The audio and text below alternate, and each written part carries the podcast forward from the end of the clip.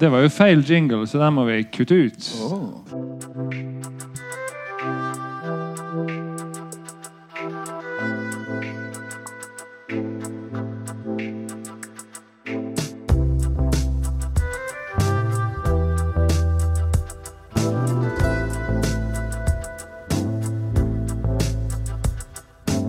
Dersom man leser Amtmannens døtre eller Stormfulle høyder og tenker at dette var gammelt og kjedelig og tamme saker, så er man dårligere stilt.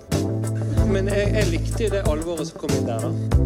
Nesbø har jeg aldri lest, riktignok, men um, Lene Andersson ble jeg nylig lurt til å lese. Og jeg er mer positiv nå enn noen gang. Og så er da diskusjonen i gang. Alltid ufullkommen, alltid mangelfull, men alltid verdt å føre. Velkommen til fjerde utgave av Hagesalongen. Mitt navn er Erlend Lisberg. Og som vanlig har jeg med meg litteraturprofessor Erik Bjerk Hagen. Hvordan går det, Erik? Det går bra. Ganske bra. I dag har vi flere ting på programmet. Vi skal diskutere hva litteraturkritikerne kan lære av Marte Michelet-saken. Vi skal snakke om nobelprisvinneren, poeten Louise Glick, som er aktuell med en ny diktsamling i oversettelse. Og vi skal også komme inn på den nye oversettelsen av fenomenet Amanda Gorman.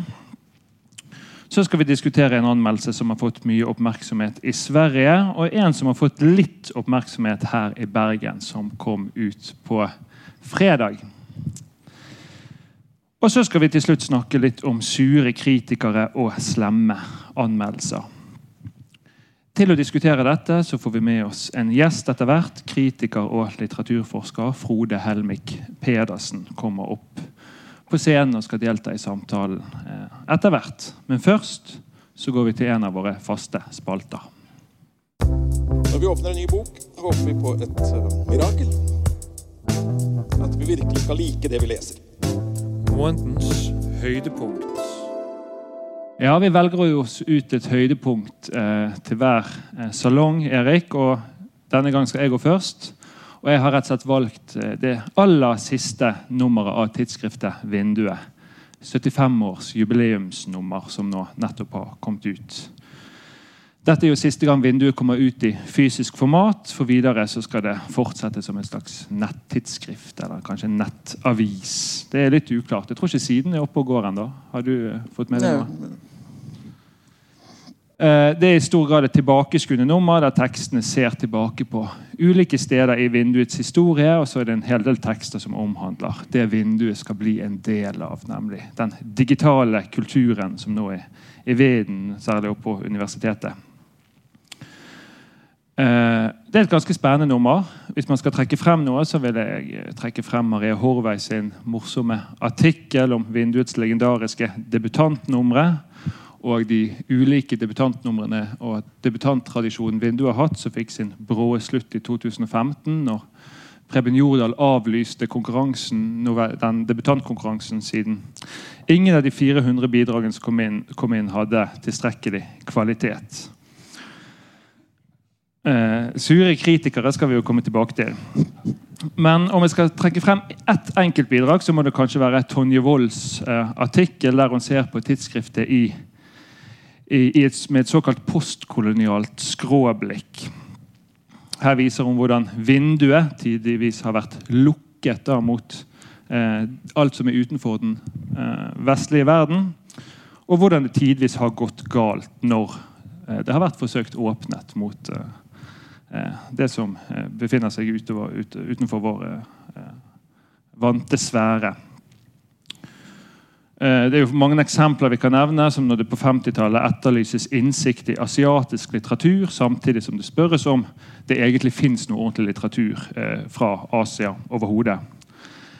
Eller når ordet 'neger' allerede på 60-tallet drøftes og problematiseres i ett eh, bidrag, samtidig som tidsskriftet samt inneholder da ord som negerpoesi, negerånd og negersang. Og en artikkel fra så sent som i 1986 bærer simpelthen tittelen 'Negrenes sjel'. Et personlig høydepunkt for uh, Vold virker jo da når Jan Askelund skal intervjue den sørafrikanske forfatteren Nadim Gordimar og begynner med å beskrive henne eh, på denne måten. Nadim Gordimar er ei bitte lita veva kvinne. Fast, stram, spenstig, veltrimma. Navnet er kjent over hele verden. Hvorpå han da senere avkrever svar på om Gordimar noen gang har hatt en svart elsker. Eh, hun avstår jo da fra å svare. Eh, har du noe forhold til vinduet, Erik? Uh, ja, absolutt. Uh, det første nummeret jeg kjøpte, det var nummer 3 1981. tydeligvis.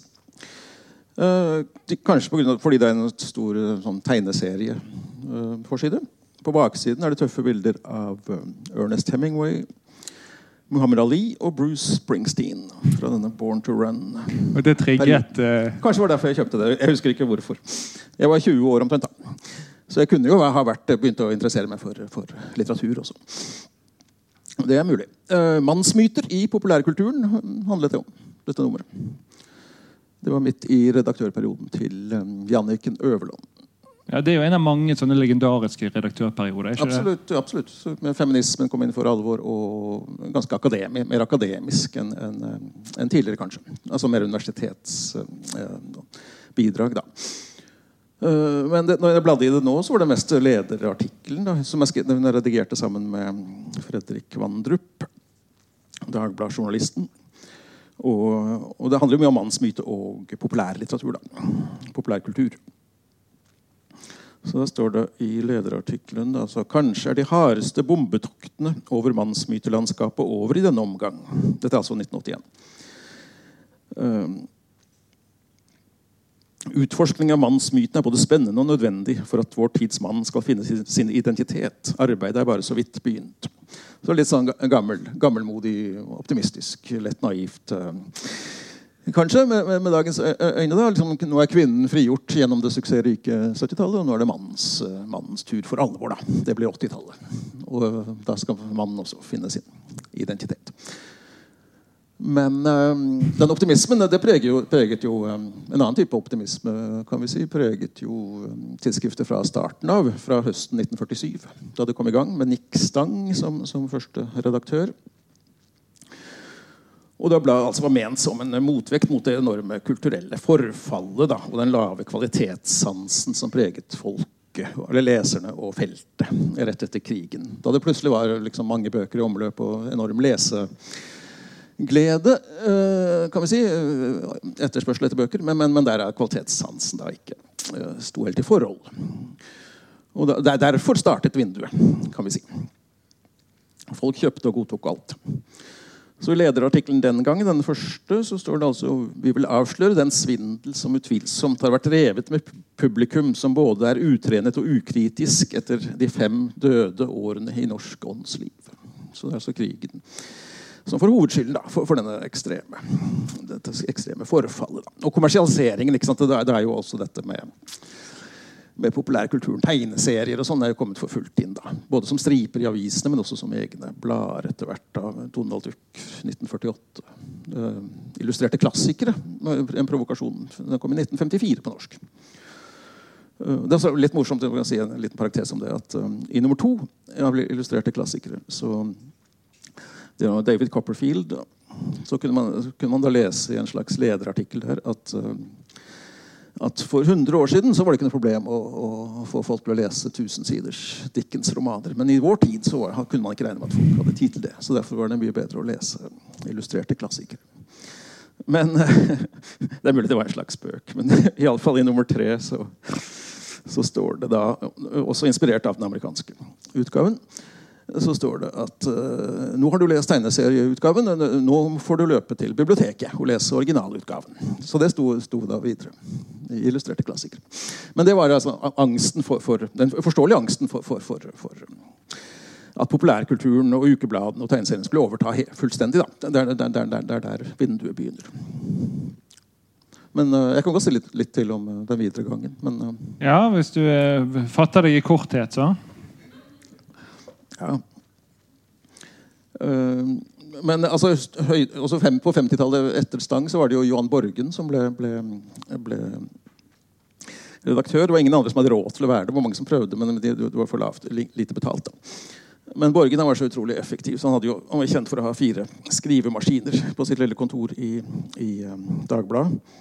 En roman igjen, en, en novelle igjen, en, en, en bokanmeldelse igjen og en da kanskje det er vindu, vinduartikkel igjen. da, Som bare sirkulerte rundt der i, på dette kontoret. Så han rakk det meste. Men det er nok, det er nok veldig høytidelig tone i vinduet på 50-tallet. Så det er ennå ikke en storhetstid. Den kommer først med da Brikt Jensen overtar som redaktør i 1964. Og da kommer liksom monardismen inn, og det franske. Jensen var jo fransk filolog den nye franske nyromanen osv. Sarot, Rob Gré, Aksel Jensen og Finn Alnes diskuterer i det vide og det brede romanen og Norge. Med utgangspunkt i Joyce og Prost, blant annet. Lang, lange innlegg. Så da, begynner det å skje Da. Da er vi over i vår, vår tid. på en måte. Da. Så får de litt konkurranse av uh, profil.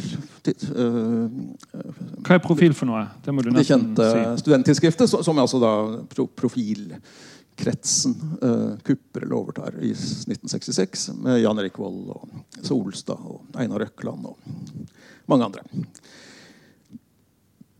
Uh, ja, og Så blir det en splittelse i det miljøet etter hvert mellom marxister og, og ikke-marxister. Og, og ikke-marxistene flytter da inn i vinduet rundt 1970 med Wold og Heggelund, Kjell Heggelund som, som redaktør med Amerika. Og da kommer populærkultur mye mer, mer, inn i bildet. da. John Lennons 'Power to the People' over ja, da, osv. Da blir det ditt tidsskrift, på sett og vis. Ja, ja, ja. Makta ut til folket. Ja. Og så kommer Fallbakken med uh, bl.a. Uh, Morgan Kane. Da overtak populærkulturen. Et langt intervju med Louis Masterson, som skrev denne berømte Morgan Kane-serien. Som var, sto høyest på himmelen på 70-tallet. Et eget kvinnenummer. Og så Øverland, da, som vi har nevnt. Og så til slutt Jan Kjærstad på 80-tallet. Med veldig mye ny litteratur. Og da var vi over en slags postmoderne epoke. da, øh, Ikke så mye teori, men mye ny litteratur fra Kjærstad. Ikke noe så mange statements fra hans side, men en, en øh, ubetalelig og, og, helt uforståelig artikkel av Geir Mork og Are Lindeberg i fellesskap om hva postmodernisme er. Så den er studium verdt. Så det er et uh, slags høydepunkt. Men så, dette var jo ikke der, der har du store da. 64 Jensen til, til 88 eller noe sånt. Jeg tror vi må stoppe på 80-tallet, for dette var jo egentlig mitt høydepunkt. For du har jo ditt eget høydepunkt. Oh, ja. Ja. Uh, og vi har jo vært enige om at du uh, ikke skal ha så mye sånn gamlis-høydepunkt nå, men noe litt mer moderne. Så da lurer jeg på hva du har valgt uh, denne gang. Oh, ja. ja nei, jeg hadde noe veldig avstikkende her, som, som var virkelig gamlis-stoff. da. Oh, ja. Som, som, som, stikker seg litt ut fra resten av programmet i dag. men det henger sammen med vår første episode, da, vi, da jeg tok utgangspunkt i bl.a. Citizen Kane, denne kjente filmen til Orson Wells. Så nå, nå jeg, etter den tid så har jeg sett uh, hans neste film, 'The Magnificent Ambersons', fra 1942. Ok, Så vi har ikke kommet lenger enn uh, til 42? Citizen Kane er jo fra 41. Og Det som slo meg da med 'Magnificent Ambersons', det er jo til det første er, hun må være en av de virkelig store Hollywood-filmene. Selv i sin berømte da, totalt maltrakterte stand. Den er nå 88 minutter. Og det er altså en film der, som, som var, skulle vært nesten dobbelt så lang og dermed dobbelt så god. da. Men, men studioet og produsenten ødela den mens eh, Wells var i Sør-Amerika for å være en slags kulturell ambassadør under, under krigen, fordi Roosevelt var, var, var, engstelig for at italienerne og tyskerne skulle få for mye innflytelse i Sør-Amerika. Dessuten skulle han filme karnevalet i Rio, så, så, han måtte dra før filmen var helt ferdigklippet og ferdigstilt. da.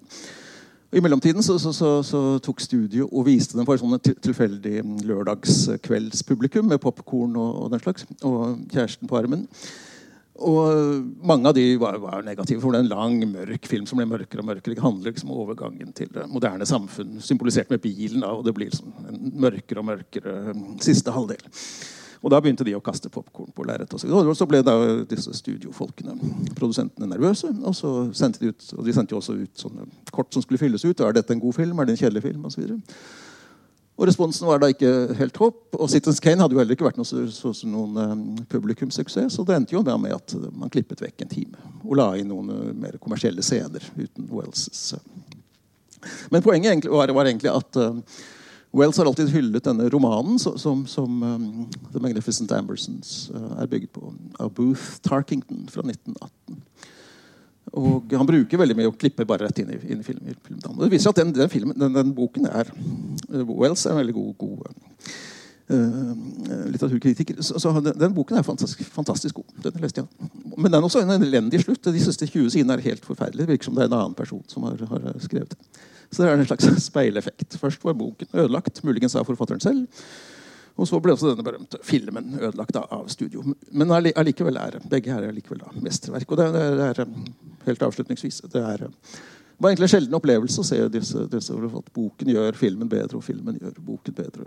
Det er sjelden egentlig man opplever den type produktiv vekselvirkning. da.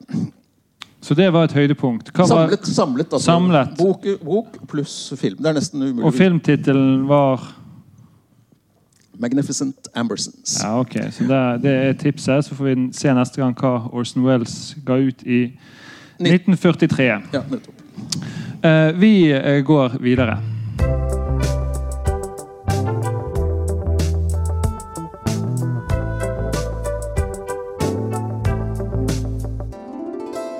Debatten om Marte Michelets bok 'Hva hvis det hjemmefronten' ble jo eh, reaktualisert i dag.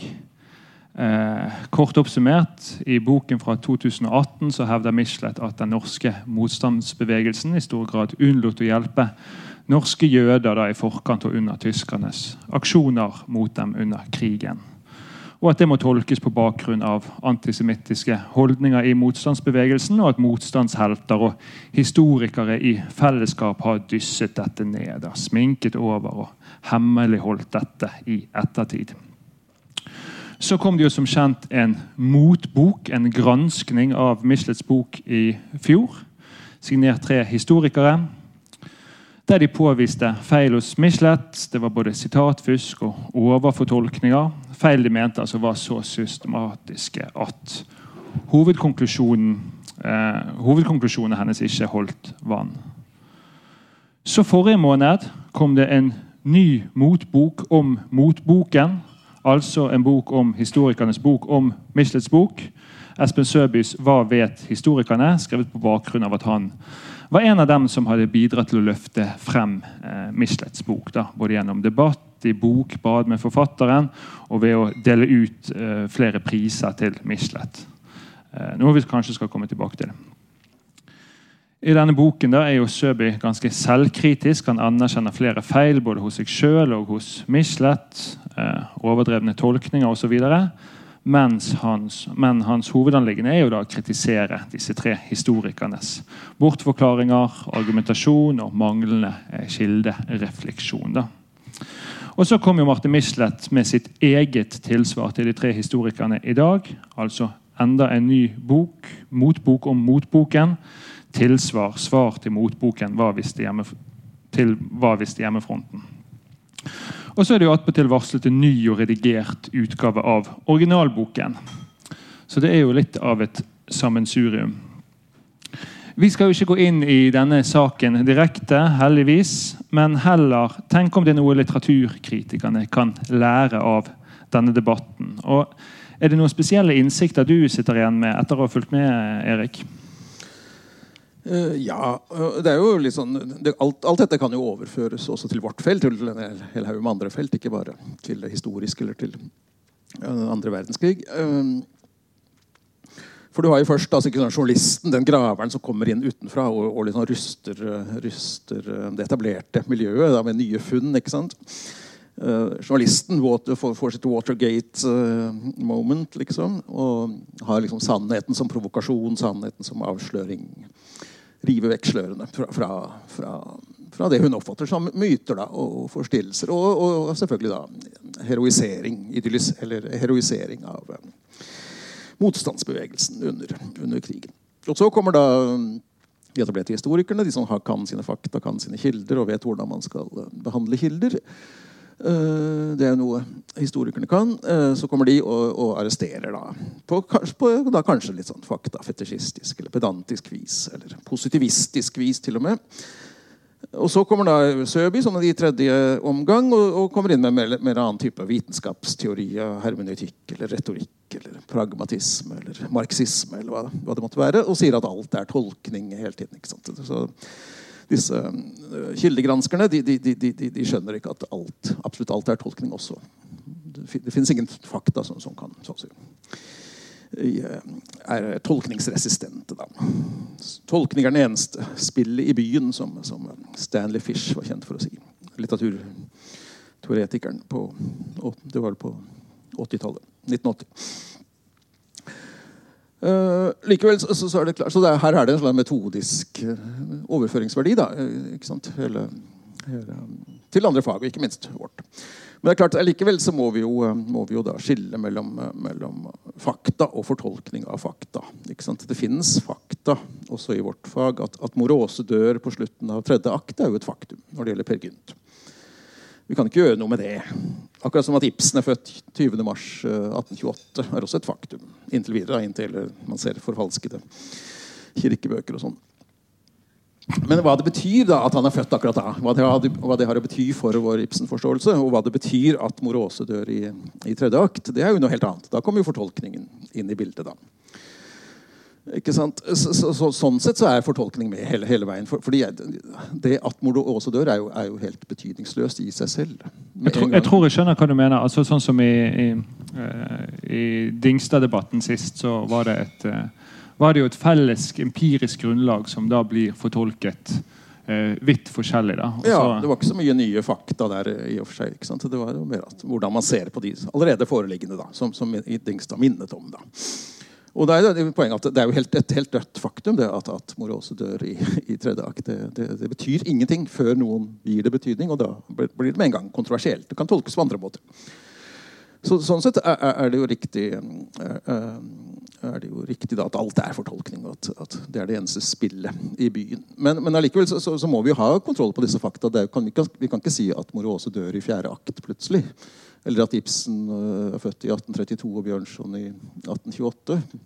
Bytte om på dem. Det går ikke.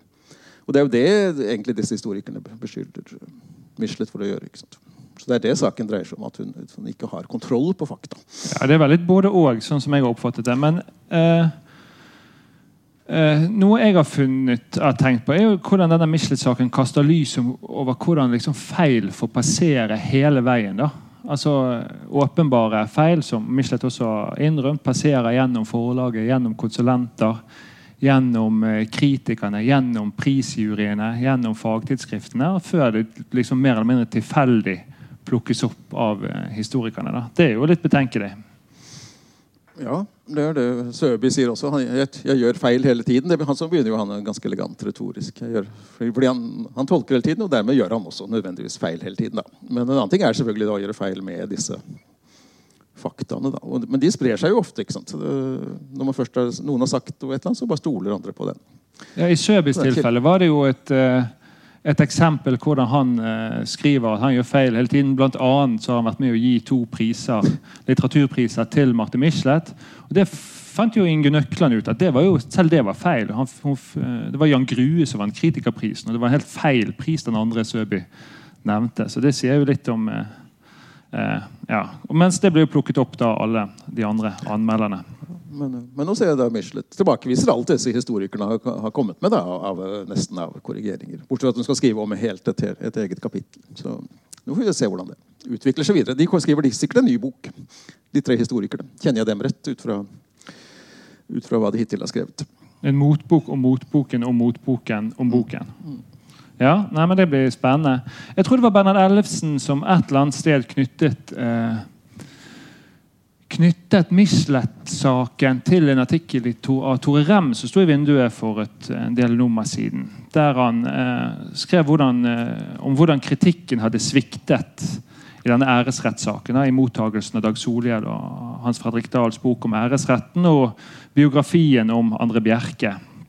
Og Tendensen var at kritikerne hadde vært helt servile liksom, i møte med Eh, med, altså, med kildebruken og argumentasjonen og konklusjonene i boken. Og at de egentlig bare hadde overtatt uh, forfatternes perspektiv.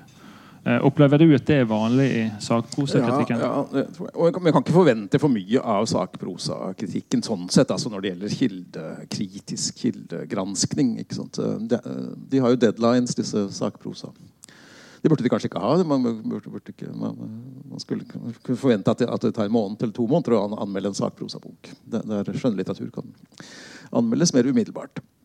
Men man ser jo ofte at, at, anmelderne åpenbart har hentet alle sine fakta fra den boken som anmeldes, og da, da, da mister man jo enhver troverdighet. Mm. Men du anmeldte jo også den der andre Bjerke-biografien. Men Tore Rem har jo da dessverre glemt å nevne deg på skammens liste. Eller var du mer kritisk enn de andre? Nei, men jeg tror jeg været at det var et uh, kontroversielt punkt, så jeg bare hoppet, hoppet over det med, med, med, med antroposofi og, og, nazisme. Så jeg tror ikke jeg, tror ikke jeg kommenterte det. men, men nei, jeg anmeldte jo en bok om, om, om det man kan kalle uh, tabloid. Uh, Sigrid Undset og homofili. Ikke sant? Som potensielt homofil, eller, hva poenget egentlig var.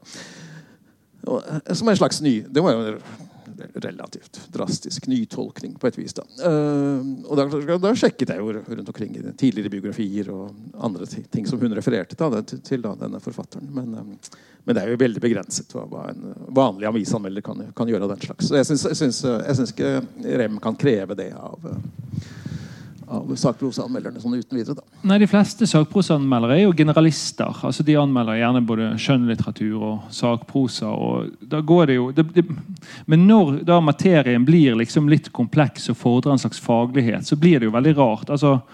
Uh, Marius Wolfsberg anmeldte jo da Michelet. altså Foran på Mislets uh, hjemmefrontbok så står det jo da et stort terningkast seks med sitatet 'Årets viktigste bok' der fra Dagbladets Marius Wulfsberg. Og så To år etterpå så gir han de tre historikernes rapporter terningkast fem under påskriften 'Knusende kritikk'. Og så gir han igjen terningkast fem til denne motboken til motboken av Espen Søby i år under overskriften da 'Enda en ny viktig bok'. Så det virker jo komplett eh, forvirret. da. Ja. Man kan si at, at de alle er like gode sånn, i utgangspunktet, men, men, det virker jo litt uh, I og med at de motsier hverandre så kraftig, så virker jo det litt uh, pussig. Absolutt. men du må huske på at altså, disse tre historikerne, Hvor lang tid brukte de på å skrive denne motboken til Michelet? Disse profesjonelle de brukte jo to eller tre år ikke sant, på, for å få ut denne boken. Så det er vanskelig, Man kan ikke regne med at denne jevne sakprosaanmelder Eh, kan gjøre det samme på da, to, to, dager. Neida, men Kanskje man skulle ha mer eksperter til å vurdere sakprosautgivelsene? Iallfall de som fordrer det. Det er et problem. Det er, det er, det er noe ubehagelig, ubehagelig ved, ved, å anmelde den type bøker. Som, som, har, som, som, pretenderer å si noe nytt om et felt. Det er det. Vi lar Michelet ligge og går videre til eh, poesien.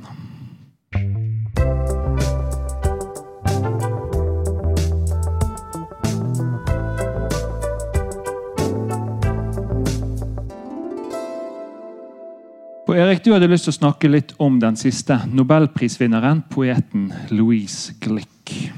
Ja, vi har, jo, vi har jo, Første gang var det vel vi særlig gjorde narr av alle disse prisene. Ikke minst eh, Nobel, Nobelprisen. ikke sant? Vi snakket om at det var bare seks, seks liksom, eh, virkelig fra kanoen som har fått Nobelprisen av de 120, eller hvor mange, hvor mange der? 116. Ja, det var veldig kritisk. 116. Ja, vi var litt kritiske og nedlatende overfor det svenske akademien. Men, men, jeg tenkte da med en gang jeg begynte å se litt på denne fjorårets vinner, Louise Glick her, her, hadde de, her, Glick, her hadde de gjort da et lykkelig valg. altså det, dette, dette, var bra. Også fordi hun jo ikke er kjent ut, ut, utover ekspertenes uh, på en måte, uh, sirkler. Da, altså de som er opptatt av nyere amerikansk poesi. Og det er jo ikke så mange utenfor. I hvert fall ikke utenfor USA. Uh, men, så derfor var det, var det, et godt valg som, som, som gjør at folk plutselig kjenner til da, denne, denne, virkelig gode forfatteren. så vidt jeg kan vurdere. Og så er hun jo aktuell eh, nå med en ny eh, diktsamling i oversettelse. I hvert fall. Ja, den andre som har kommet på, på norsk da, i disse dager. Uh, ja. Skal jeg si litt om henne? Kan, kan jeg lese? Det, det må du, ja, skal du begynne med å lese? Nei, nei ja, det kan du velge. Må lese et dikt også av henne. når vi først ja. er i gang. Men jeg kan si litt generelt.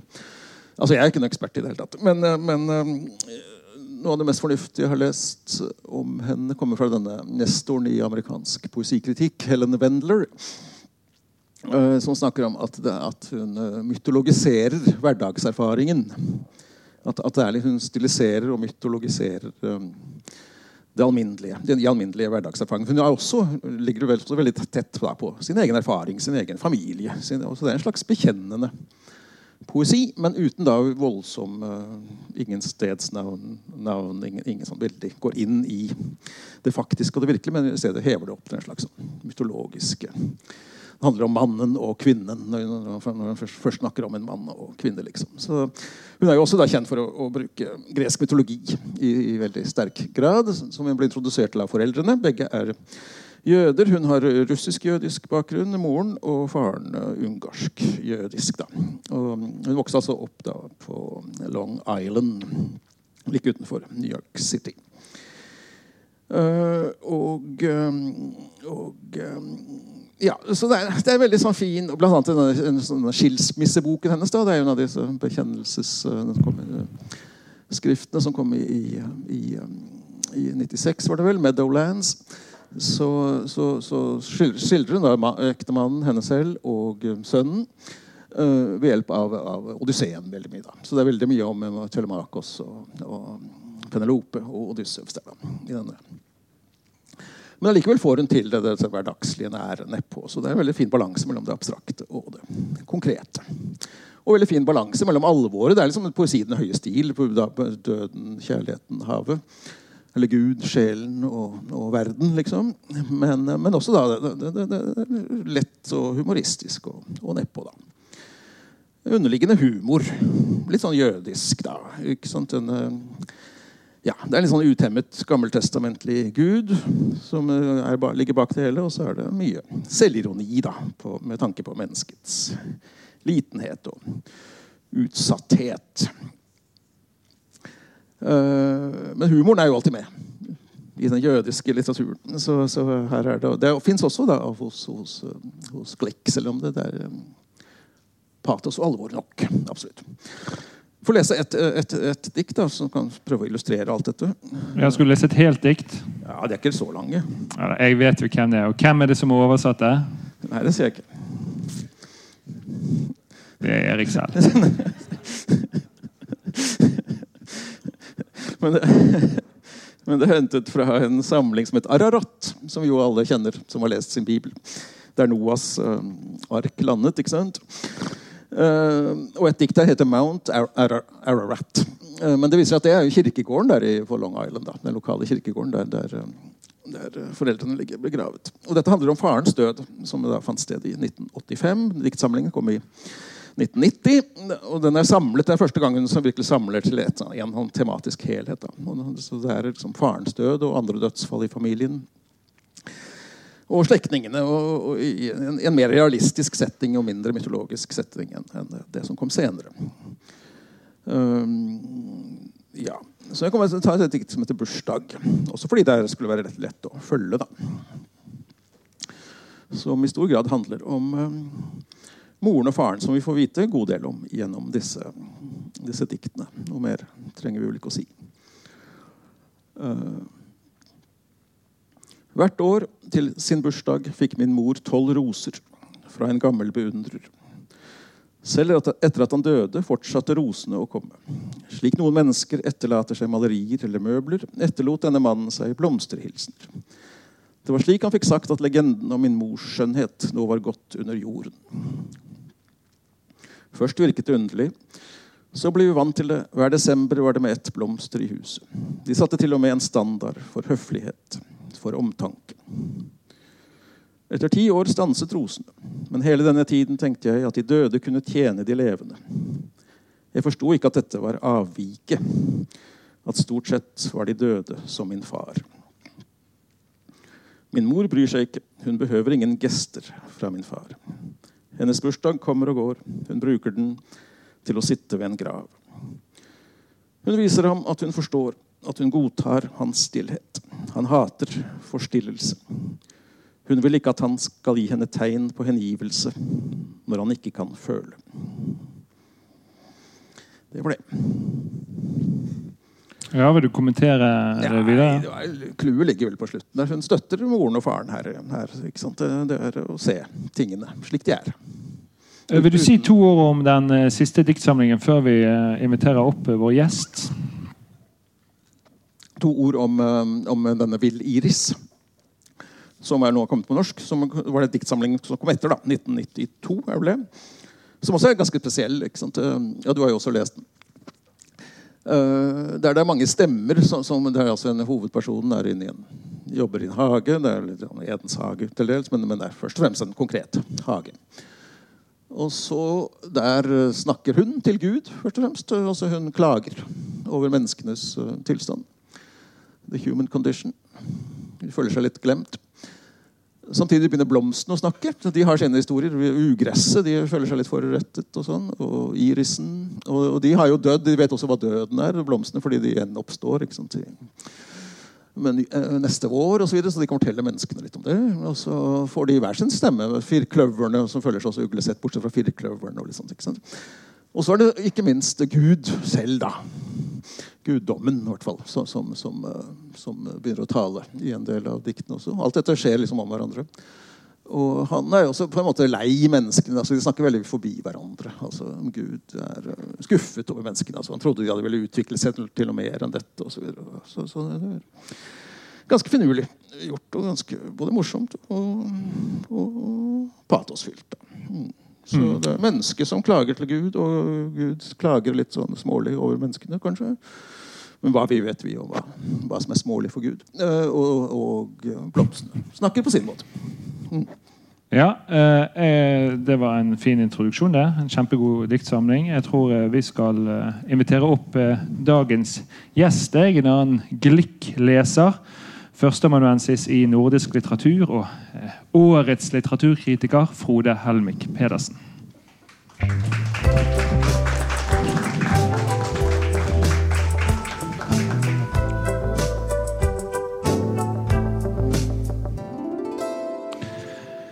Ja, Vi kaller deg jo årets litteraturkritiker i år, men blir du da fjorårets litteraturkritiker til neste år? Uh, ja. Blir vel det. Du sto jo eh, tidligere år klar eh, her på biblioteket eller på et annet bibliotek når, eh, når, eh, når, den svenske akademien skulle kunngjøre hvem som vant nobelprisen i litteratur. Og når det ble kunngjort at det var Louise Glick, så eh, lånte du hele forfatterskapet og dro til Odda for å vurdere eh, poeten. Var det samme kveld? Jeg lånte ikke hele forfatterskapet, men uh, jeg fikk fatt i noen. Men det var veldig sånn uh, mange om beinet. Ja. Nå som lesningene har fått modnet litt, da, hva, hva syns du om Louise Glick? Nei, altså, Jeg slutter meg jo til det Erik sier her.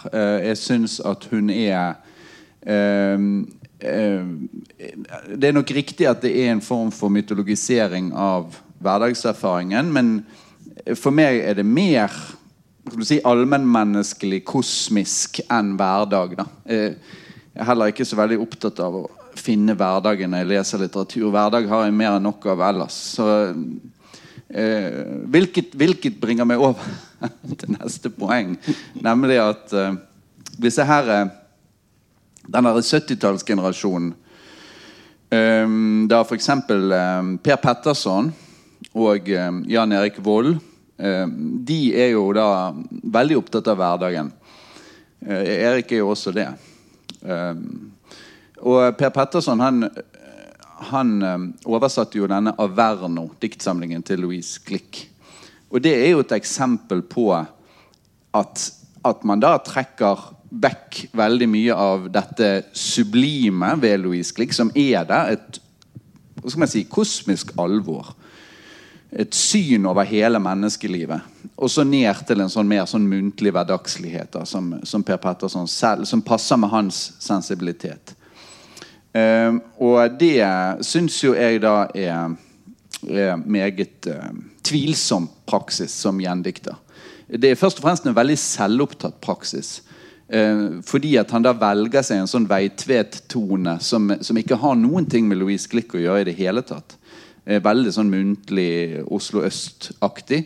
Og det minnet meg faktisk litt om eh, Jan Erik Volds oversettelse av Wallace Stevens. Uh, uh, Jan Erik Vold har jo oversatt ham. og der, Det er en Stevens jeg rett og slett ikke kjenner igjen i det hele tatt. Hvor han fjerner alt det romantisk-visjonære alvoret eh, til fordel for disse hverdags, den hverdagsdiksjonen. da, Oslo øst eller Briskeby eller hvor det nå er. Holder til disse folkene. Eh, sånn at der er liksom poesiens gullvogn. Den parkeres i eh, garasjen. Ja, for Ingvild Berkes oversettelse av Vill Iris har jeg fått ganske god mottagelse. Men du lest, henger det jo på flere her som har kritisert Per Petterson. Preben Jordal omtalte den vel som utflytende og mindre kompetent. Og Espen Grønli skrev jo i Vagant at eh, Petterson var unøyaktig for pratsom og for talemålsnær, som du var inne på. da. Ja, sant? Det, ene er jo den, den hoved... Um, hva skal man si den, innvendingen, den generelle innvendingen mot hans tilnærming. Det andre er jo disse nedslagene som uh, også Grønli gjør helt korrekt. Hvor han påpeker rett og slett helt unødvendige betydningsforskyvninger og antagelig misforståelser. Har du lest eh. Per Petterson-oversettelsen, eh, Erik? Nei, jeg har ikke det. Men, men jeg kan skjønne at noen reagerer på det, for det er veldig fjernt fra hennes stemme, altså, som er veldig, veldig sånn høytidelig. Den er lite hverdagslig sånn sett. Altså, stemmen er veldig, veldig sober. Veldig skriftlig. Absolutt. Ja.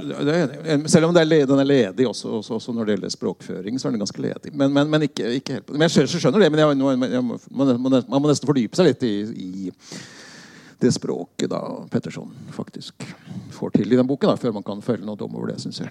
Ja, vil du, fø- Wow. du vil ikke ha noe dom over Eriks oversettelse her? eh, Den var bra, den. Ja. ja, jeg er helt enig. En annen oversettelse som virkelig har fått gjennomgå, er jo den av eh, Amanda Gormans dikt eh, 'The Hill We Climb', som hun fremførte under presidentinnsettelsen til Joe Biden tidligere år.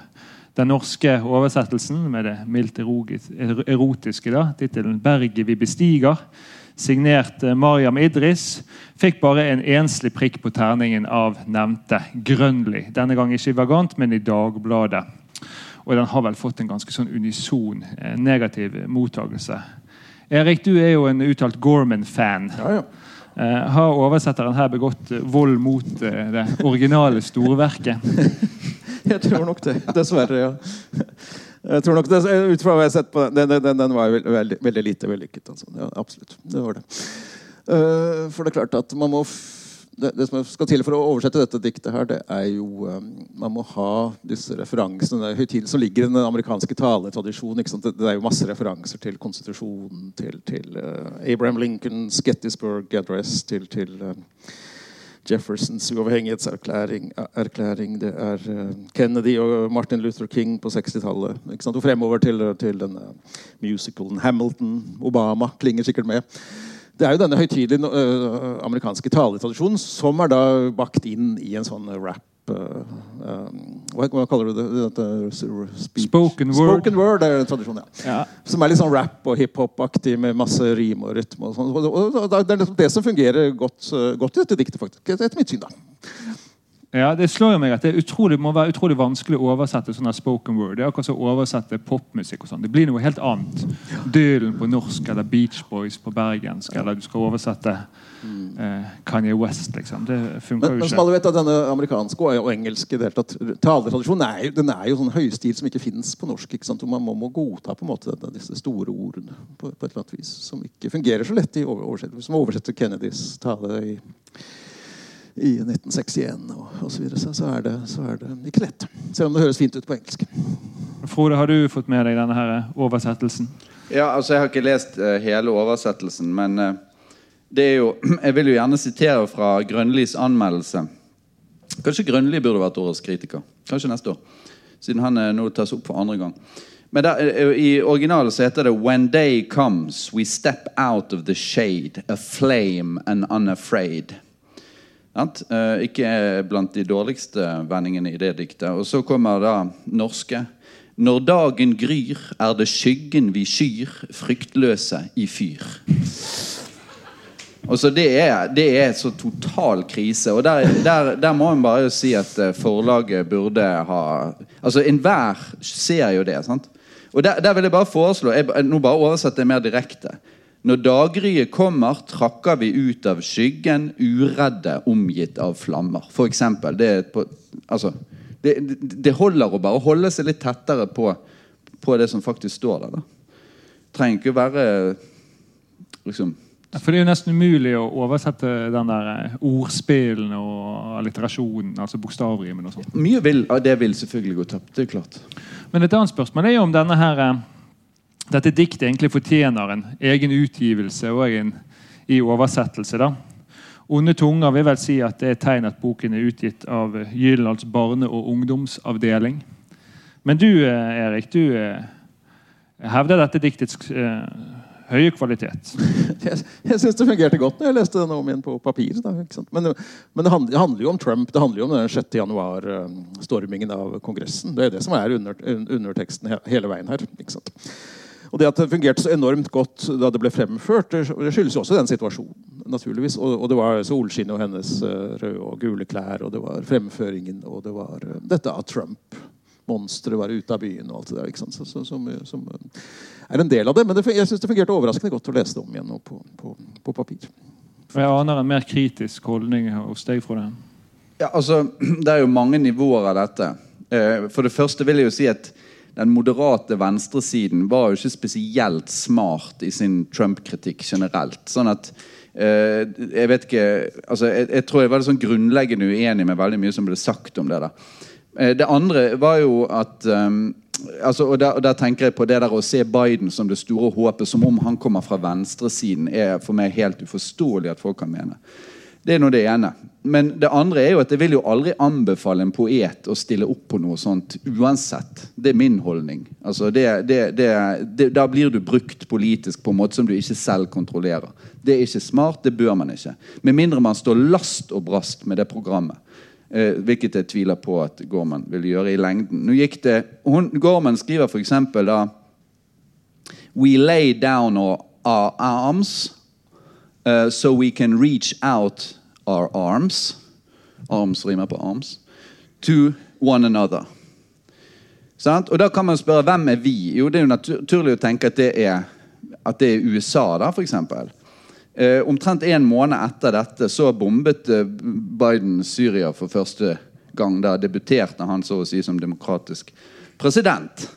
Eh, og det er et eller annet med det. Sant? 22 mennesker drept. Hvem vet hvem disse menneskene var? Eh, var de onde terrorister? Var de opprør? Var det tilfeldig? Vi vet ikke. Jeg, jeg, bare syns ikke det er noe smart å begynne med det der hvis du har et fornuftig politisk program i, i ryggen. Så det, det er det.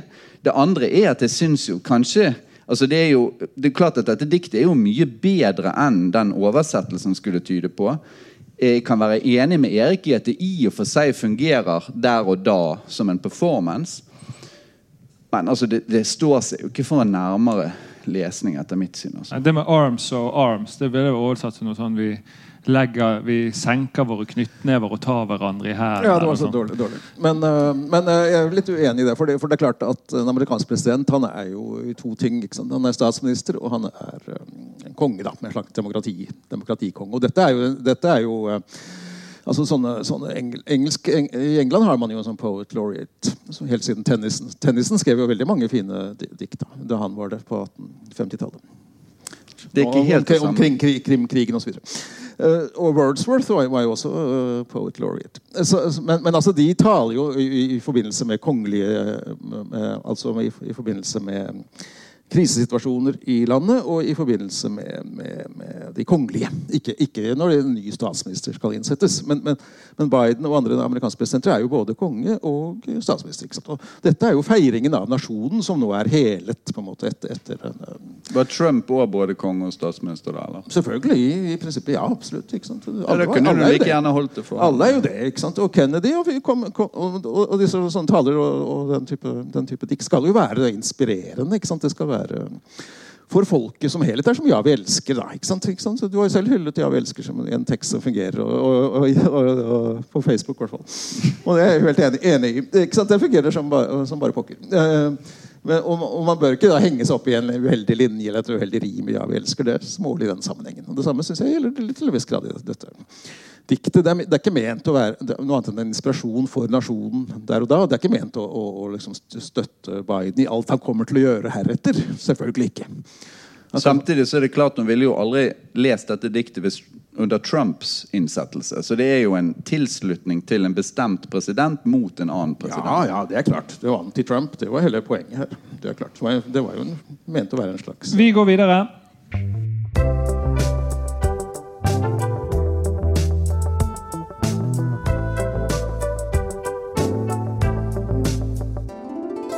Med 'Ja, vi elsker' så kan vi jo krysse av eh, for Bjørnson-referanser denne gangen også. Men vi skal et annet sted. Eh, meg og Frode var jo på litteraturfestivalen på Lillehammer for et par uker siden. Der kritikerne i Norge årlig var samlet til et seminar om litteraturkritikk. Denne gangen kuratert av Frode og Preben Jordal, som nå også nevnt to eller tre ganger. Med temaet da kritikk, moral, moralisme. Hvor går grensene?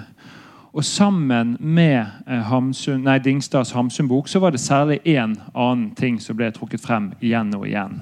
Nemlig den svenske litteraturkritikeren Linda Skugges anmeldelse av den suksessfulle svenske forfatteren Kristina Sandberg, som har skrevet en selvbiografisk bok om livet når hun får påvist kreft i det ene brystet. En ensom plass.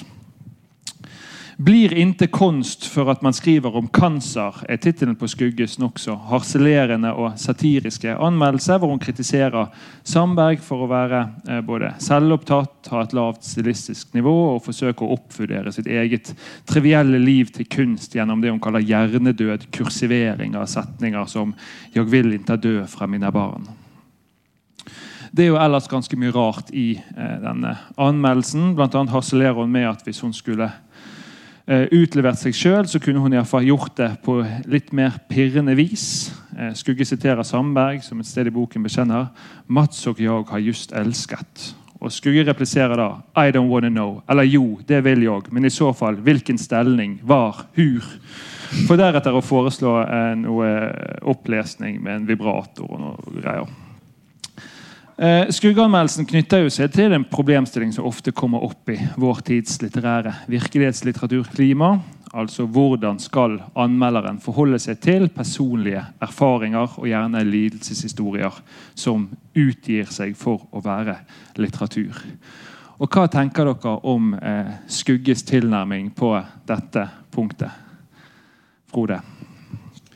Altså, Det sitter svært langt inne for meg å kritisere en kritiker for å ha gått for langt. Uh, uh, jeg, uh, jeg, støtter Skugges rett til å skrive denne teksten. Jeg ville ikke skrevet den slik selv. jeg forstår, det, er en ting du glemte å nevne om den teksten. Og det er jo at Hun begynner jo med egentlig å sette dette inn i en, en litt større ramme, nemlig at det er en kommersialisering av forlagsbransjen. Og en, kommersi en, kommersialisering som driver og utnytter den type sterke historier fra virkeligheten. Eh, og Det kan man jo kanskje være uenig i i dette tilfellet. Jeg har ikke lest Kristina Sandbergs bok. Men det der med å, eh, at, at denne typen bøker har stort salgspotensial, og at det foreligger en mulighet for at uh, forlagene driver og spekulerer en del i det, er absolutt til stede. Uh, sånn at det er det ene. Altså, her er det spørsmål om om Kristina Sandberg da er blitt en slags nyttig idiot for, uh, for forlaget. Uh, det andre er jo disse her kursivene. Det har jeg veldig stor forståelse for. det er ikke bare en sånn falsk tyngde til prosaen. Det vil si at du egentlig ikke bearbeider dette litterært. Du bare skriver det rett ut, og så setter du det i kursiv, og så blir det egentlig veldig sånn sentimentalt uh, kitschaktig. da. Uh, men at det blir veldig vanskelig å si, fordi at du vet at det er et ekte menneske som sier dette. Sant? Men litterært så funker det ikke. Det tror jeg hun har rett i, eller det er, i hvert fall overbevist, er hun overbevisende om. da. Og så er det jo generelt dette med overforklarende prosa. Det er et stort problem i samtidslitteraturen for forfattere som hele tiden skal forklare poengene sine, istedenfor å stole på at leseren forstår det. Og um, i, i, i, altså at man liksom skal hamre det fast. da. Det, det, det er ikke altså Det gjør hun da med disse kursivene, tror jeg. Og at de er irriterende, det kan jeg godt tenke meg. Men det er jo, det er jo klart du, du står jo du, du, du har et dilemma, et etisk dilemma som anmelder i sånne saker. Det er klart. Og om hun at, at jeg har også forståelse for at folk mener at Skugge her har gått for langt. Særlig når hun begynner med denne vibratoren og veldig sånn harselerende. Ja, det, det forstår jeg. Men, eh, men, men, at kritikken kan være litt sånn kontroversiell innimellom, det syns jeg er, er, bra for litteraturen og for den litterære samtalen. Ja, Hva syns du, Erik, om jo, eh, Skugges anmeldelse? Jo, når jeg satt og leste den nå for andre gang i Romak, syns jeg var veldig god, faktisk. Eh, jeg synes det. Er, hun hatet denne boken. da. Den fungerte ikke for henne. Og så tar hun da tar tar og sier da endelig fra om å ta et generaloppgjør med Siklit, som det nå heter i utgangspunktet. Eller i, i, generelt. Nemlig altså all den type bekjennelsesteori og bekjennelseslitteratur om selvmord og, og sykdom og ektefellers død og alt det der. Som jo er, er ikke sant? Så når man kom, Anmeldere som kommer jo inn i et slags dilemma. Der? Det er ufint å være for negativ. Men her tenkte du nei, dette er litteratur. Nå bare kjører vi på. Dette er en dårlig bok. Det er mulig den er god. Da. Ingen av oss har jo lest den. Men, men, eh, men det er mulig det er helt urettferdig. Men, men det er en sånn typisk rock'n'roll-anmeldelse som er helt vanlig. Har vært helt vanlig siden 60-tallet. Nå er, noe, er, du fed up med et eller annet som, som, som er, folk hyller i kulturen, og så bare kjører du på og raserer hele greia. Med respektløshet. Et, et sitat bare kort, da. Sandberg eh, återkommer til hvor hun skal skal kunne vite at hun får återfall, altså tilbakefall. Eh, at hun står innenfor et potensielt eh, en dødstrussel. Tja, velkommen til livet. Hele livet er en risk. Når som helst kan man bli overkjørt av en buss. Så sier hun liksom. Det er, det er jo litt lettvint. Det er, det er provoserende kjekkass-tone, men det er sånn rock'n'roll. Man kjenner det jo fra han er Tommy Olsson i Kunstanmelderen. Kjenner det fra Ulf Lundell kan, kan skrive sånne ting. Jo, man har gjort det i, i, i Norge. Men jeg syns dette fungerer godt. faktisk. Ja, men synes dere selv det? Altså, vi har vel alle anmeldt bøker som er basert på sånne personlige erfaringer. da. Et barn som er død, eller en umulig mor, eller et en voldelig far eller en ektefelles uhelbredelige kreft. Jeg føler nesten jeg bare anmelder sånne bøker for tiden. Men det sier sikkert litt om hva jeg blir tildelt. Uh, men man føler jo seg som en slags overgriper nærmest når man, uh, når man skal ta stilling til disse. Er denne her sorgen liksom? Nei, dette var noe litt platt. og dette her, uh, Denne karakteren her, han ektemannen, virker jo ikke så særlig sympatisk. Når det er så tett, tett forbundet, denne virkeligheten og litteraturen, er det, er det har dere etiske kvaler? Nei, altså ikke sant? Det, det er virkelighet, og det er roman. Eh, jeg var veldig lei av kona og ungene til Knausgård, f.eks. Jeg skulle ønske de bare forsvant ut av boka. Det, det ville jeg, det ville jeg sagt. Hvis jeg, anmeld, jeg har vel anmeldt han eller skrevet noe om det. men jeg tror mulig jeg sa noe lignende. Men, men altså, se nå bli kvitt. se nå, og det, Vigdis Hjorth sa jo også noe, noe lignende da hun skrev om Knausgård. Se nå få skilt der, liksom, så vi kan få enda en romanserie. eller et eller annet. Så, noe forferdelige Dette hurpa må vekk. Ikke sant? Det, det, det, det, mener man åpner for den type reaksjoner. rett og slett. Man ber jo, man ber jo om, den, om den type reaksjoner eh, når man skriver på den måten. Kjenner du det igjen, Frode? Nei, altså, Jeg har ikke anmeldt så veldig mye siden virkelighetslitteraturen kom for fullt. Så i, min, i den tiden jeg anmeldte sånn som du gjør, men du får bare alt mulig og må spy ut, hadde jeg sagt.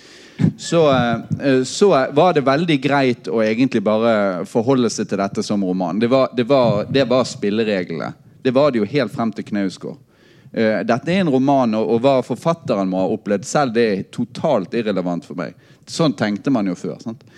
Mens, mens, nå er jo det der blitt mye vanskeligere. Uh, men, uh, men jeg, jeg, kan ikke si at jeg har altså De gangene jeg har vært veldig slem som anmelder, så har ikke det hatt med det å gjøre at liksom, jeg, jeg er redd for at, at en, en, kreftsyk forfatter uh, får hånt kreften sin, hadde nær sagt. Det, det, det, er rett og slett det at, at, man har tatt for mye i. da. Man Av og til er jo steik forbanna. Det, det, er jo en ting som vanlige lesere, hadde jeg nær sagt, de som ikke skal skrive kritikker, av og til glemmer. Nemlig at hvis du som leser av en roman, vanlig leser du, hvor du hater boken, så gir du det. sant? Etter 10 sider eller 20 sider eller 50 sider legger han fra deg. Men hvis du er en profesjonell anmelder som har takket ja til et oppdrag, så må du lese 500 sider kanskje til og med, med ting som du hater. Og den aggresjonen du har da, da, da opparbeidet det til slutt, den, den, kan få deg til å skrive ting i affekt, rett og slett. uh, uh, og det har skjedd med meg enkelte ganger. Kanskje noen i publikum som kan kjenne seg igjen. Uh, På fredag fikk vi jo et slags uh, lokalt uh, skuggeeksempel vi kan diskutere. Min kollega i Bergens Tidende, Johannes Grytnes, skrev jo en litt besynderlig anmeldelse. Skuggeinspirert, vil jeg tro. Eh, Av Hilde Kvalvågs eh, roman 'Djuphavslettene', som her er da henvendt til en sønn som har begått selvmord bare 19 år gammel. Det er virkelighetslitteratur. da. Aldri før har jeg grått så mye av en bok, skrev Grytnes, som sitter her i salen. Men kritikermagen hans vrengte seg av klisjeene og det han oppfattet som en tekst blottet for kunstferdighet, ettertenksomhet og refleksjon. Og Han konkluderte med terningkast to, eller to hjerter, det virker jo enda hardere i denne sammenhengen, her, kanskje, med begrunnelsen at han skulle bedømme det litterære verket, og ikke sorgen som lå til grunn for det. Hva tenkte dere når dere leste Grytnes' anmeldelse, Erik? Nei, det likte jeg ikke.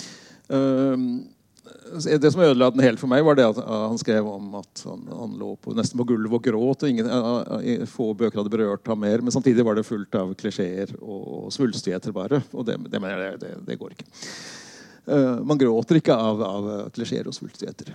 Altså det, det det, man, kan, man kan gråte av såkalte tåreperser, som var en sånn sjanger en gang nærmest på kino. Love Story var vel en uh, Hvis du husker den. uh, var vel, um, var vel en, uh, en tåreperse. Og da, og da kan man gråte og gå og gråte ut av kino nærmest, og, og så um, og så uh, føle seg litt manipulert og lurt etterpå. da, ikke sant? Man føler seg litt sånn, ja, følelsesmessig manipulert og tenker at det var egentlig, egentlig ikke verdt det. Det var ikke så god. Men allikevel har den fungert på et vis, da, ikke sant? i og med at man går gråtende ut av kino. Uh, så, så, så, men hvis det bare er svulstigheter og klisjeer, og, og, og sånn, så, så, så, så, så får man ikke den type følelsesreaksjon. Så jeg trodde ikke på anmeldelsen trodde jeg ikke på i det hele tatt. Nei, for Du mener jo også at de fysiske tingene som skjer, er det, det første kvalitetskriteriet? ikke? Jo, jo, jo, det stemmer. Mm. Eller tegnet på kvalitet. Du da, Frode? Je suis Johannes Grytnes. Ja? Eh, nei, altså Jeg, jeg, jeg støtter uh, Grytnes i, i den konflikten, iallfall hvis vi skal kalle det på sosiale medier. Ja, Det kommer vi til. det kommer ja, vi til. ja, ja, ja. Nei, altså, det er jo altså, Jeg forstår jo Erik sitt poeng, men nå er jo jeg av en litt annen Altså, jeg har jo kan jo avsløre at jeg har diskutert med Erik sikkert i 20 år og, sant, om disse tingene. Så jeg, jeg tror nok at jeg, jeg kan forstå ambivalens i leserresponsen. øh, den ambivalensen som kommer frem her. Og det er jo fordi at de tårene kommer jo fra at uh, leseren uh, på den ene siden ser dette ekte mennesket, sant? Som, som jo står der og hyler ut sin sorg. Det ser man på den ene siden. På den andre siden så er det en roman, og som roman fungerer det ikke. Jeg syns ikke det er veldig vanskelig å forstå. ærlig talt. Jeg synes hvis, hvis, hvis jeg skulle ønsket noe her, men det kunne kanskje gjort at det ble enda slemmere, da, det var jo hvis hvis, eh, hvis anmelderen i større grad hadde sitert og vist hvorfor dette ikke fungerer. Samtidig så syns jeg at anmeldelsen er er spesiell, den er energisk. Den føles, den føl, du føler kampen til anmelderen i teksten. Eh, og det er jo sjelden. Det som er problemet for anmelderiet, er ikke dette. Det er de slappe, likegyldige anmeldelsene. Mer av sånne ting som dette, etter mitt syn. Eh, men det er den første slakten jeg har lest, som også kan leses som en skamros. En som ikke var fornøyd, var iallfall sjefsredaktøren i Vigmostad Bjørke, Tiril Broch Åkre. For i går så rykket hun ut på Facebook med eh, jeg vil karakterisere det som en ganske rabiat tekst. der hvor harmen liksom var kamuflert under litt humor og litt sånn fotballmetaforer. og sånn, Der hun gikk til frontalangrep på eh, absolutt alt vil jeg si ved Grytnes tekst. Og ekkokammeret på Facebook-tråden overstrømmet jo da Åkre med likes, altså tomler opp, og støtteerklæringer florerte i kommentaren under. Veldig bra, fantastisk. Den satt rett i krysset. Mål, kommenterte litteraturforsker Kari Jegerstedt. Nå må han faen meg ta seg en bolle, skrev tidligere leder for Skrivekunstakademiet Øyunn Viken. Mens forfatter og kritiker Tom Egeland knyttet neven i støtte. Hva tenker dere om en redaktør som går ut eh, på dette viset på eh, Facebook med en sånn kritikk, eh, Frode?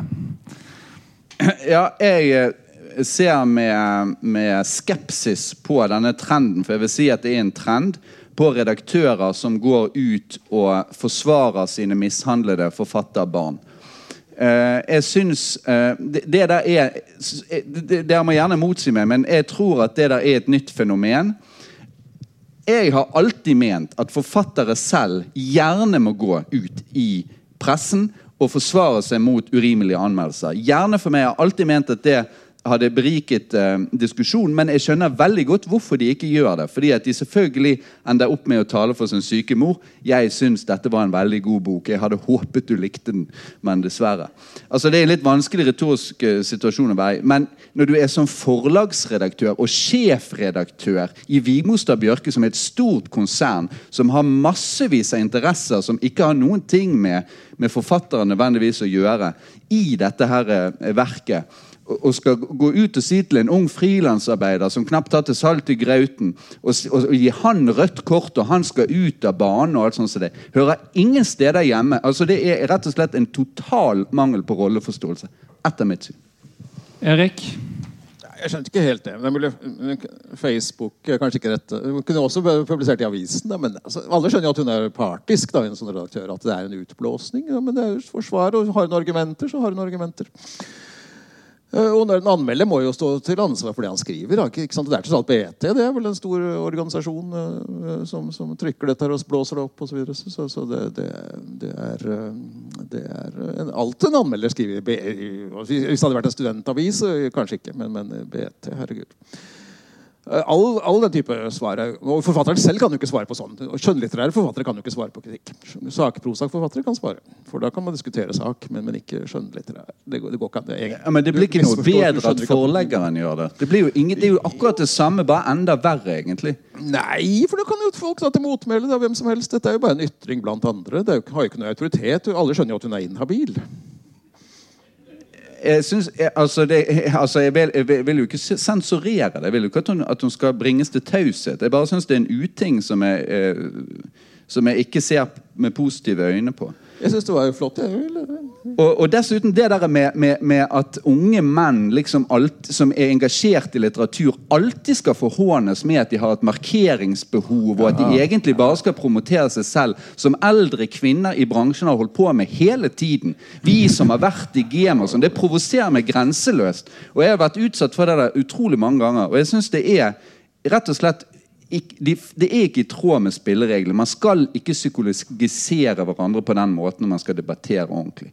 Dette gjør du bare fordi du vil markere deg. Nei, det, er ikke, det er ikke seriøst. Nei, men her var det, det, var vel argumenter i anmeldelsen, det var argumenter i uh, svaret fra Tiril. Ja, Men det var jo mye mer rabiat tekst som Broch Åkre hadde, da, tenker jeg.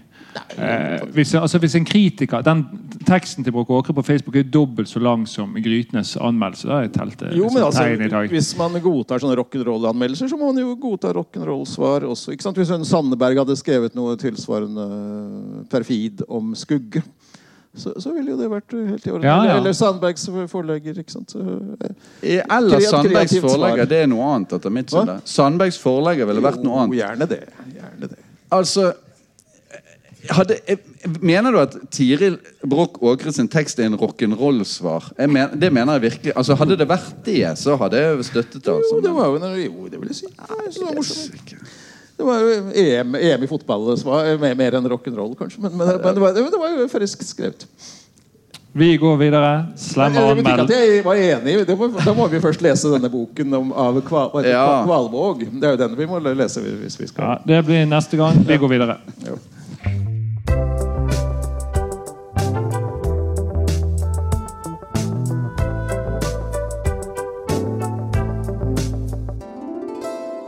For nå skal vi se oss i speilet og snakke om sure kritikere og slemme anmeldelser. Men før vi går til vår egen tid, Erik, var anmelderne mer eller mindre slemme eh, i den tiden du eh, oppholder deg i forskningssammenheng? Nei, De var like, minst like slemme. Det er helt klart. Mm. Så jeg kan bare nevne disse tre, tre best, mest berømte anmeldelsene fra 1800-tallet i Norge. Uh, først er jo Welhavens bok, eller 80-90-100 siders uh, rabiate angrep på Wergeland. Det var jo Welhavens bokdebut. ikke sant? Han, var jo kritiker og, og sånn Welhaven, nei, Wergeland-hater før han begynte å bli poet selv.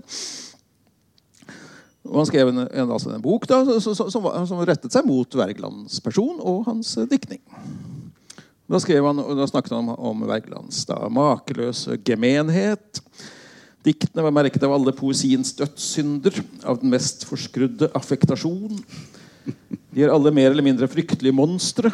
Og de åpenbarer nå kommer det personlig da, de åpenbarer citat, et av de villeste lidenskaper sønderrevet indre.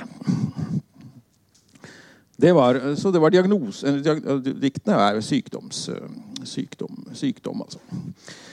Eh, men, men, det var jo en vellykket anmeldelse, for det, det satte jo denne store urstriden mellom Wergeland og Welhaven, som, vi på en måte har definert feltet til i dag da, i, i Norge. Man er enten welhavenianer eller wergelianianer. På, ja, eller på flere, flere, nivåer. Ja, Det kanskje vi går nærmere inn på. Nei, nei andre, neste berømte anmeldelse er jo Bjørnsons oppgjør med Oi, der kom han igjen.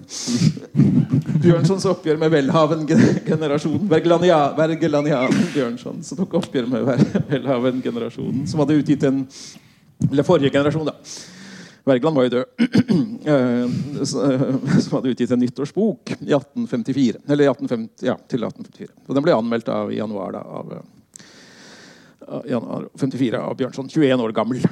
Og så har oppgjør med hele denne, denne velhaven-generasjonen. Og gjør, og gjør narr av aktuelt nok da, gjør narr av P.A. Munch, som nettopp hadde mistet sin eh, kone. Og som hadde diktet om det. 'Sorg og trøst', tror jeg den heter diktsamlingen. Sorg og trøst. Og det var han veldig narr av. Og konen måtte dø, og da fikk han sitt perfekte emne. og så bare raljere der. Så det var helt i skugge, skuggestil. Ja, ingen vibrator går ut ifra? Ja, kanskje. Men nei, Halvdan Kjærulf en annen som kritiseres fordi hans reiseskildringer bare blir en, sitat, en reise i hurtigvogn om i Kjærulfs egen hjerne, snart med én tanke, snart med en annen, inntil hver er utkjørt. Og om velhaven så er det bare klaging og syting i kjent stil. Vi får halvkvalte sukk, enkelte uhellsvangre stønn, så ikke mere. Så det var ikke spesielt snilt. da. Og så Den tredje berømte er jo Hamsuns oppgjør med de fire store da, i 1891. var det vel. Ehm, da, får, er Bjørnson da blant ofrene. Alle disse fire store, de fire store da, de skriver bøker preget av engelsk matmoral og litt europeisk realisme. og Denne diktning kan jo tilfredsstille et bondefolk som vårt, men ikke særlig flere. Uh, Ibsen han uh, dikter bare typer, noe som beror på, sitat da, på den naturlige steilhet og nyansefattigdom i hans følelsesliv osv. Og Da satt jo, da satt riktignok eh, Ibsen på første rad og hørte på og smilte og humret. Da.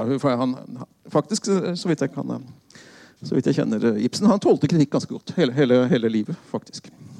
Ja, Frode, du også er jo bevandret på 1800-tallet. Har du samme inntrykk? Ja, Ibsen tålte ikke kritikk spesielt godt. Altså Den der Clement Petersen-slakten av Jo, da, da mistet han besinnelsen. Han gikk jo totalt og, og, og, i minst én Ibsen-biografi så er det vel sagt at han ikke likte de Altså han hatet Hamsun etter det. da ja, ja, det er litt uklart om han, om han egentlig mente, kanskje. Men, men, men, men han, han, gjorde go, han, gjorde gode miner til slett spill. Det kan vi være enige om. Jo da, Men han fant seg i mye av kritikken. De han i hvert fall ville bli likt av. så fant Han seg i mye. han var en spyttslikker overfor kritikerne. Det var han. Ja. Men altså Det var, det var rått og, og vondt, og høyresiden dundret løs på disse fire store. Særlig Bjørnson fikk jo, fikk jo gjennomgå. Uh, han var den mest provoserende og eksperimentelle av dem. Uh, Mellomkrigstiden var god, eh, god tid for, for frekk og, og, spirituell litteraturkritikk. Både fra høyre side og venstre side. Alf Larsen, eh, Helge Krog, bla, bla. 50-tallet var høytidelig og litt kjedelig, men da så kom profilgenerasjonen da, midt på 60-tallet. som vi snakket om. Da var det moderne stil og moderne tone og frekkhet. Økland uh, Solstad var jo veldig brutal, en brutal anmelder. Ikke så, ikke så mye vittig, men brutal. brutal. Han, han meide folk ned. F.eks. Bjørg Vik og hennes andre novellesamling 'Nødrop'. Ja, 'Nødrop fra en myk sofa'. Var det ikke det? Ja.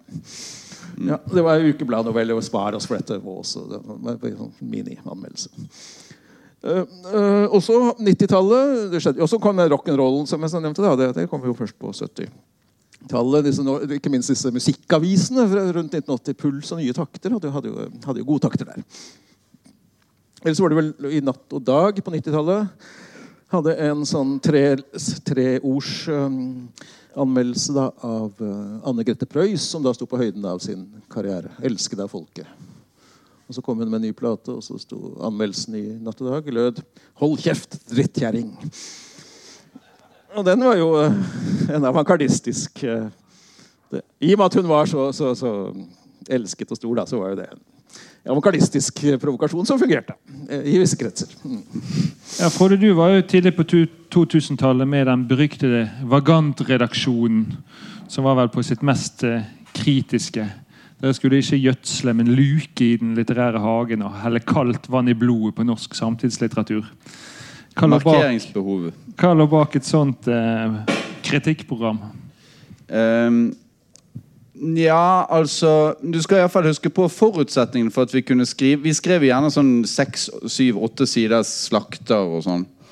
Eh, og det var jo at, eh, at det var en tid uten sosiale medier. Jeg tror, jeg tror det ville vært veldig vanskelig å holde på i nummer etter nummer etter med det der eh, med, med sånn som situasjonen er nå, fordi at man blir liksom angrepet fra alle kanter. Men vi hørte ingenting, vi. Vi bare får fortsette med vårt. Eh, og hver gang vi slapp et uh, nytt nummer, så var det absolutt stillhet i alle kanaler. Helt til neste nummer kom, og der var stillheten nøyaktig like stor.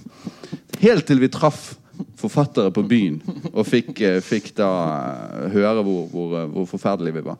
Så det, det var liksom forutsetningene for det. For min del så vil jeg jo si det at jeg var egentlig veldig interessert i litteraturkritikk og hva den kunne gjøre og hvordan man kunne argumentere for at noe var dårlig eller bra. Det interesserte meg veldig sterkt. rent sånn, eh, altså Bare som skribent. da.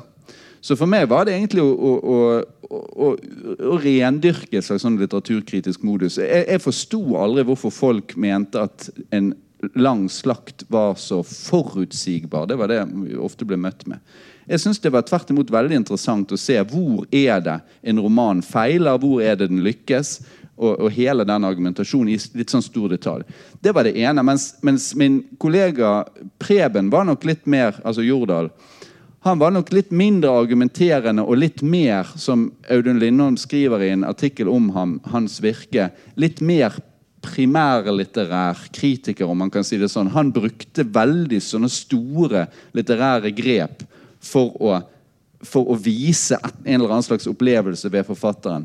For så slakter han Ari Behns roman fra Nord-Afrika, hvor han lager en fortelling om hvordan Ari Behn liksom blir en sånn person fra en av Paul Bowles fortellinger, hvor de har kuttet av han en vestlig turist som de har kuttet av tungen på, litt sånn som de har i fangenskap, disse tuaregene, og kler han ut i sånne bjeller og sånn, og som de, de, de tar frem som sånn underholdning for barna på kveldstid. Han som risler med bjeller og ser helt sånn her grotesk ut og skal skremme folk. Og så blir det liksom Ari Behn på en eller annen slags måte. En, en helt forferdelig anmeldelse. Altså sånn slem anmeldelse, da, men òg en fest å lese. Ja, hva er det slemmeste dere selv har skrevet, da? Erik? Nei, jeg kommer ikke på så mye. Ingen slemme? Ikke så Jeg synes å eh, huske en, eh, en overskrift i Dagbladet der du var avbildet, så sto det 'Mordet på Fossum'. Ja, det stemmer det. Ja. ja. De krimfolkene de var veldig hårsåre. De tålte ikke mye blod. det både, både det, Jeg tror jeg var på, dags, jeg var på NRK både for å forsvare um, anmeldelse av, av Nesbø og, og av Fossum. Ja, For da slaktet du hele forfatterskapet basert på én bok? Nei, nei, nei, det var en overdrivelse. Fire, kan man si. Men jeg nevnte bare to, egentlig. Ja. Men det var, det var en veldig dårlig bok den jeg anmeldte. Da, det vil jeg si. Og, men, og Avisen slo det opp med et sånt stort bilde, sånn gapestokkbilde og så en fryktelig overskrift. da. 'Mordet på Fossum'. Og så kom mordet på Fossum i Dagbladet. Ja. Men, eh, men vi ble gode venner etterpå. Fredrik Vandrup var det som skrev det. Ja, okay. Vi diskuterte krim et eller annet sted, og da ble vi gode venner og enige om det beste. Du da, Frode? Nei, altså der er mange eh, konkurrenter der. Men eh, nei, altså Jeg kan ikke si at jeg angrer på så veldig mange, men, men jeg skrev en gang om Ole Robert Sunde sin Calypso. Der var jeg virkelig irritert. altså, For jeg jeg virkelig Jeg anså den som totalt uleselig fra begynnelse til slutt. Og da skrev jeg noe sånn som at han eh, seiler retningsløst rundt på bølgene av sin egen verbale inkontinens, eller noe sånt.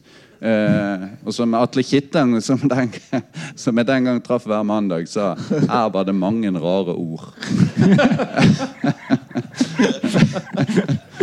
Eh, Ole Robert Sunde han eh, hatet meg i 15 år for den anmeldelsen. eh, Men nå er vi veldig gode venner. Så eh, det foregår eh, ting på bakrommet. Ja, men dere- Du har jo vært opptatt av å være streng, altså å være ja, kanskje litt slem, men iallfall streng. Ligger det et eller annet sånn kritikksyn eller uh, litteratursyn bak uh, det å ville vurdere strengt? Ja, det, Synet er jo at kritikeren bør være ærlig. Da, og så bør kritikeren prøve å Når kritikeren eh, Istedenfor å være en sånn mildt sånn eh, tilbakeholdende overfor en bok, liksom er ja, kanskje ikke så vellykket, så vil jeg heller ha kritikere som hopper inn i manesjen og, og raljerer og er litt sånn krakils. Det, det, det, det er synet på selve den litteraturkritiske teksten fra min side.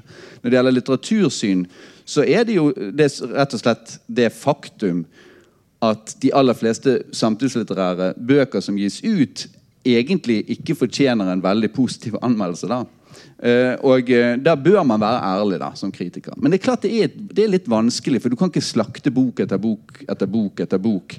Så du må, du må på en måte velge det litt sånn ut, og så må du nok, blir det nok at du må senke standarden litt. Og for min del så har det vært begrunnet i den oppfatning at samtidslitteraturen er ikke bare noe som aspirerer mot å bli kanonisk litteratur, det er også en form for løpende samfunnskommentar eller samtidskommentar. Man kan få ting ut av samtidslitterære bøker som ligger så å si utenfor bare det at de er, at, har veldig høy estetisk kvalitet.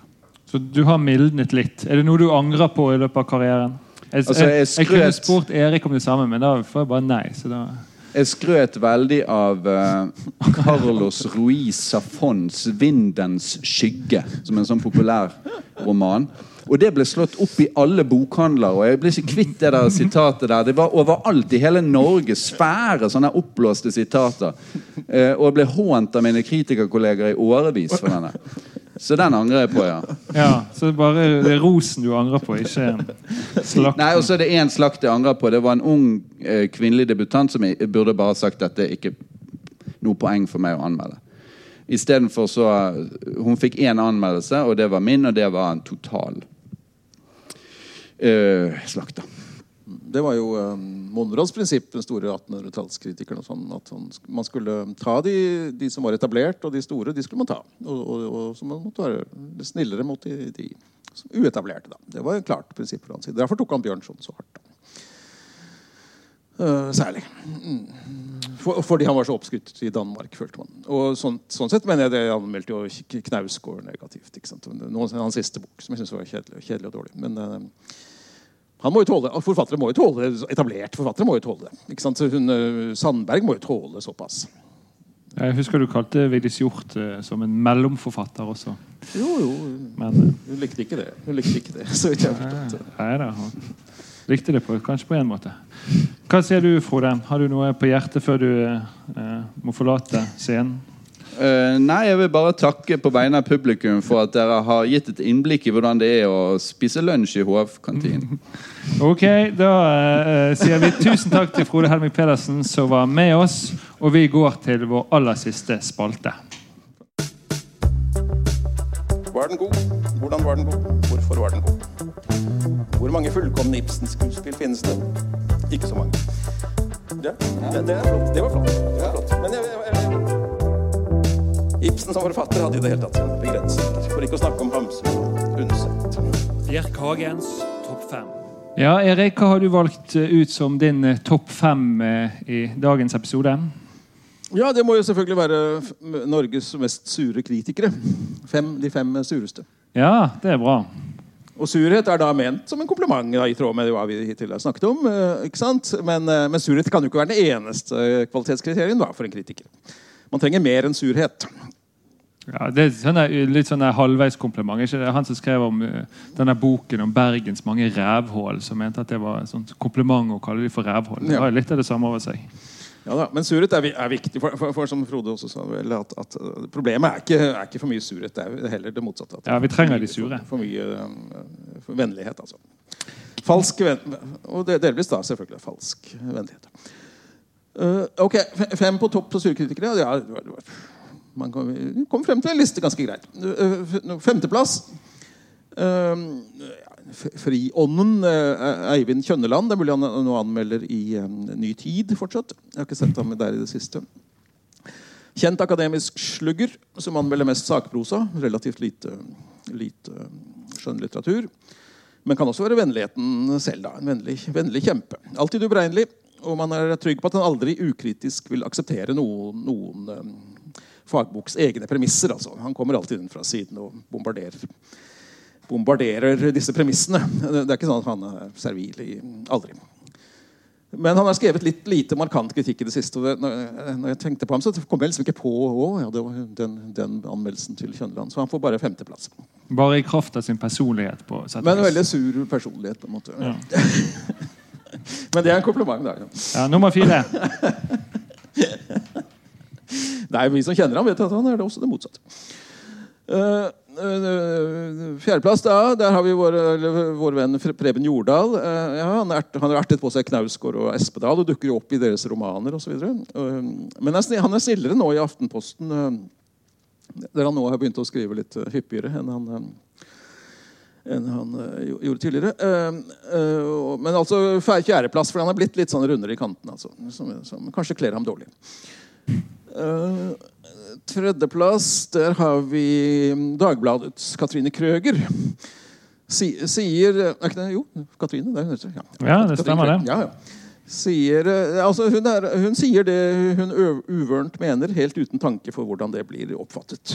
Og Det er en veldig sjelden egenskap, altså, og det kvalifiserer til en tredjeplass. Altså Hun bare bruser ut med det hun, hun mener, eh, på en sjelden måte, vil jeg si. Ja, hver gang de, de skriver disse artiklene om eh, forfattere som svarer sine kritikere, så er det jo alltid en sånn referanse til Ketil Bjørnstad, som skriver sånn forferdelig portrett av Katrine Krøger i en eller annen bok. Ja.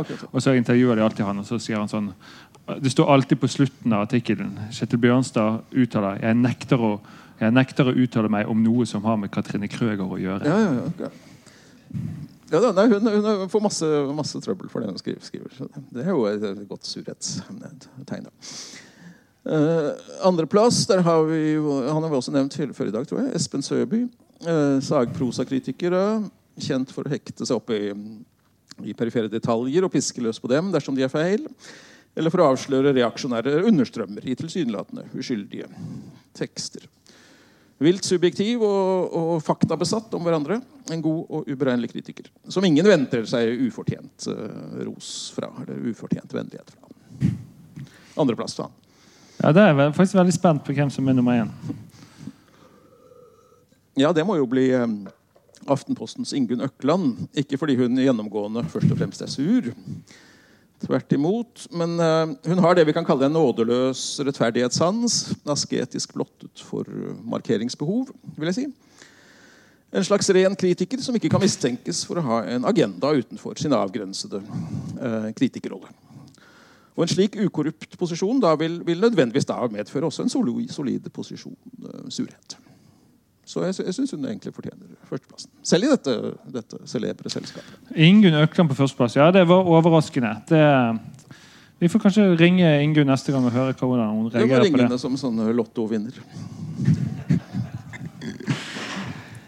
Der gjenstår det faktisk bare å si eh, tusen takk til alle som hørte på. En ekstra takk til deg som sprer podkasten videre. Takk til vår gjest Frode Helmik Pedersen. Jinglene du hørte, var laget av Pål Vindenes. Og så kan vi jo kunngjøre at vi også skal sitte her eh, hver måned eh, gjennom høsten da, for nye hagesalonger. Tusen takk for oss.